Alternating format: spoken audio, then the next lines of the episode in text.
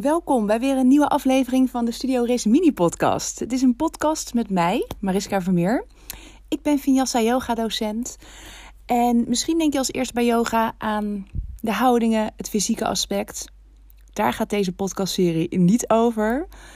Het gaat wel over de diepere lagen. Wat gebeurt er onder de oppervlakte? Wat gebeurt er binnenin ons?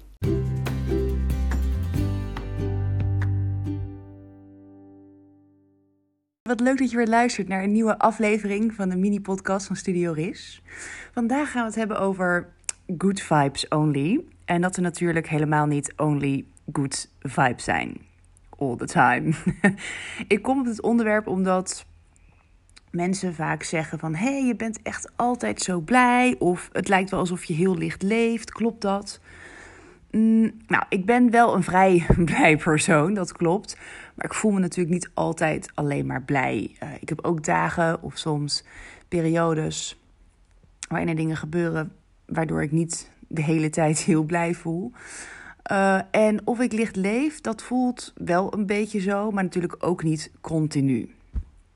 Um, ik denk dat ik niet precies kan uitleggen hoe dat voelt uh, of hoe ik dat doe. Ik denk dat de essentie van ja, gevoelens niet altijd goed uit te drukken zijn in woorden. En dat is ook niet nodig. Maar ik kan er wel een paar dingen over vertellen. Dus ik wil in deze mini-podcast een aantal dingen uh, aanstippen die daarmee te maken hebben. En het eerste punt is eigenlijk um, dat iedereen doet dingen op zijn eigen manier. En wat voor de een werkt, werkt voor de ander niet. Dus ik kan denken, oh, die persoon die leeft bijvoorbeeld zo licht of dat lijkt zo, dat wil ik ook. Hoe doet diegene dat? Want dan kan ik dat ook doen. Nou ja, zo werkt dat denk ik niet. Iedereen doet de dingen uh, op een andere manier en uh, in het fijnste geval op zijn eigen manier. en um, een vriend van mij die heeft het op een gegeven moment zo verwoord.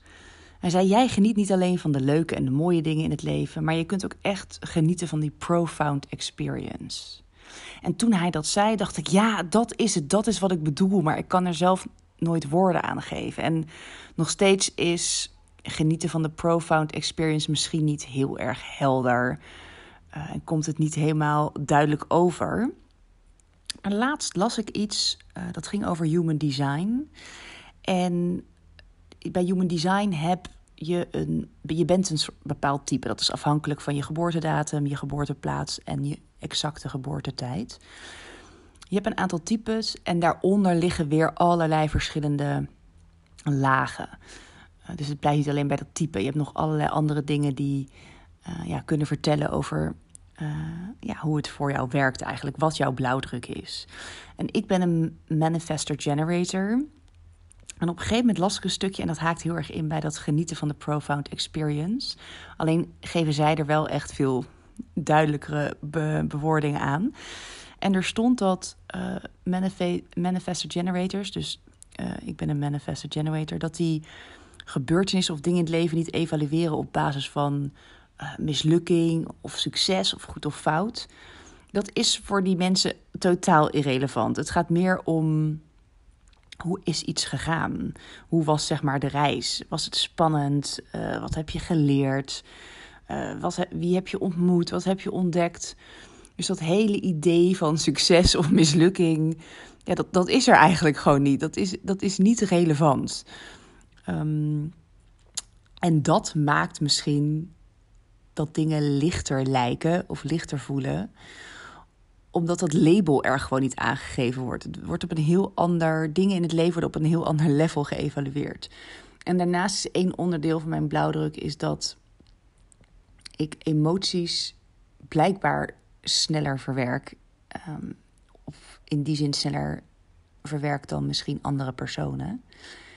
En dat is dus echt zo'n voorbeeld dat dat op, voor iedereen anders is. Bij de een heeft misschien veel meer baat bij dat dingen worden verwerkt op een langzamere manier. Ook al denk je misschien in eerste instantie, oh, maar langzaam, oh nee, ik wil dat ook snel. Of, maar zo werkt dat dus niet. Iedereen doet het op zijn eigen manier en voor iedereen werkt het anders. Dus dat is het eerste punt wat wat ik aan wilde stippen: dat zodra je dingen op je eigen manier doet die voor jou werken en je luistert naar jouw eigen essentie eigenlijk, dan, dan gaan dingen makkelijker of dan voelen dingen makkelijker, omdat het helemaal is of gaat zoals het bij jou past. En als je er meer over wil lezen, dan kan je natuurlijk gewoon googlen op Human Design. Zelf volg ik een Instagram-account, dat heet my.humandesign. En daar kan je allerlei, daar kan je ook kijken welk, welk uh, type jij bent, zeg maar. En hoe die onderliggende lagen in elkaar zitten. En daar kan je dingen, als je dan dingen leest die op jouw type van toepassing zijn, dan is dat dus ook een soort feest van herkenning. En ze geven daar hele duidelijke bewoordingen aan. En niet dat je alles letterlijk hoeft te nemen, maar het is wel heel interessant om te lezen. En dat is, dat is heel erg leuk. Dus dat is wel echt een aanrader. Het tweede punt wat ik aan wil stippen in deze eh, mini-podcast over Good Vibes Only is uh, wat mij helpt om dingen um, lichter te maken, als ik het zo even zou kunnen zeggen, is als er bijvoorbeeld verdrietige, pijnlijke, heftige situaties zijn of ervaringen, dan probeer ik het op dat moment echt helemaal te doorleven en te doorvoelen. Vroeger deed ik dat niet, dan deed ik het gewoon of ik, ik schoof het voor me uit. Maar tegenwoordig probeer ik dat echt op het moment zelf te doorleven en te doorvoelen. In plaats van dus te zeggen: ik schuif het onder het tapijt, ik heb er nu geen tijd voor, het komt niet uit, uh, schouders eronder en door. Uh, ik heb over twee weken op donderdagmiddag wel een uurtje tijd om hierover te gaan zitten huilen of om dit te gaan zitten voelen. Zo werkt dat niet, voor mij tenminste. Dus ik probeer echt op het moment dat er dingen gebeuren, die tijd nodig hebben, die ruimte nodig hebben om het op dat moment echt uh, te voelen en te laten gebeuren. Ik ben ervan overtuigd dat als je dat soort dingen gaat negeren, het gaat zich ergens in je lijf nestelen, in je lichaam. Het gaat een heel eigen leven leiden. Het gaat broeien. Het, nou, dingen die je niet wilt. Um, dus echt de emoties voelen op het moment dat ze er gewoon zijn. Laat het lekker gaan. Um, laat, laat, ja, voel wat, wat er gevoeld moet worden eigenlijk. Um, en mijn ervaring is wel, als je dat doet, als je daar de tijd en de ruimte voor neemt, voor mij voelt het alsof je dan helemaal wordt afgepeld, als het ware. En dat het enige wat overblijft is datgene wat er echt toe doet. Dus het voelt heel duidelijk en heel zuiver. En eigenlijk helemaal niet meer zwaar, ondanks het verdriet wat er is. Het laatste punt wat ik uh, wil vertellen, of het is niet eigenlijk echt een punt, is meer een verhaal wat ik laatst las. Ik was een boek aan het lezen en dat heet Kom uit je hoofd van Lisette het Hoofd. En um, in dat boek, het is sowieso een interessant boek om te lezen. En in dat boek worden er best wel vaak mythen en verhalen aangehaald. En één verhaal, dat gaat over het voeden van de ziel. En dat gaat als volgt. Er loopt een god rond. Die is aan het wandelen en hij komt een graanboer tegen. En die graanboer zit te klagen dat God dat deze God duidelijk geen verstand heeft van het werk van de graanboer, want anders had hij overduidelijk wel een betere weersomstandigheden geregeld. Dus die God is wel benieuwd uh, ja, wat die boer er dan van vindt of hoe hij dan vindt dat het zou moeten. Nou, die boer krijgt dus een jaar de tijd om zijn eigen ideeën te botvieren op het weer. En hij denkt: top, want ik weet precies wat mijn graan nodig heeft. Ik heb een beetje zon nodig, ik heb een beetje regen nodig, maar geen extreme stormen, hittegolven, um, noem maar op, hagelbuien, wat dan ook. Dus die boer gaat lekker aan de slag en die laat een heel jaar deze perfecte temperaturen over zijn graan uh, gaan. Beetje zon, beetje regen. En dat graan, dat groeit de pan uit. Die boer is helemaal gelukkig. Alleen op het moment dat hij gaat oogsten, zitten er geen graankorrels in het graan. Dus die boer is perplex. Hij snapt er niks van. Wat is er gebeurd? Waar is het fout gegaan? En dan komt de God weer langs en die zegt: Er was geen uitdaging. Er waren geen conflicten, er was geen spanning. Het graan is steriel gebleven. Het, het graan heeft geen ziel gekregen.